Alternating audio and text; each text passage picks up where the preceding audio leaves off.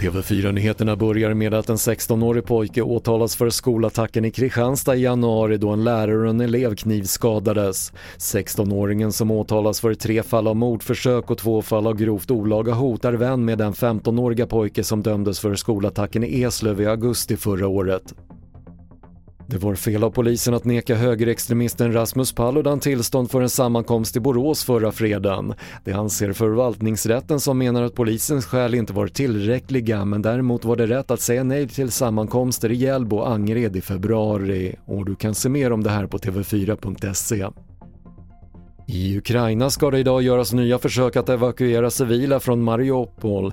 FN och internationella Röda Korset har under senaste veckan hjälpt civila att fly området säger FNs generalsekreterare Antonio Guterres som vill hålla detaljerna kring dagens evakuering hemliga. Nearly 500 civilians found, found long waited, awaited relief after living under relentless shelling and scarce availability of water, food and sanitation.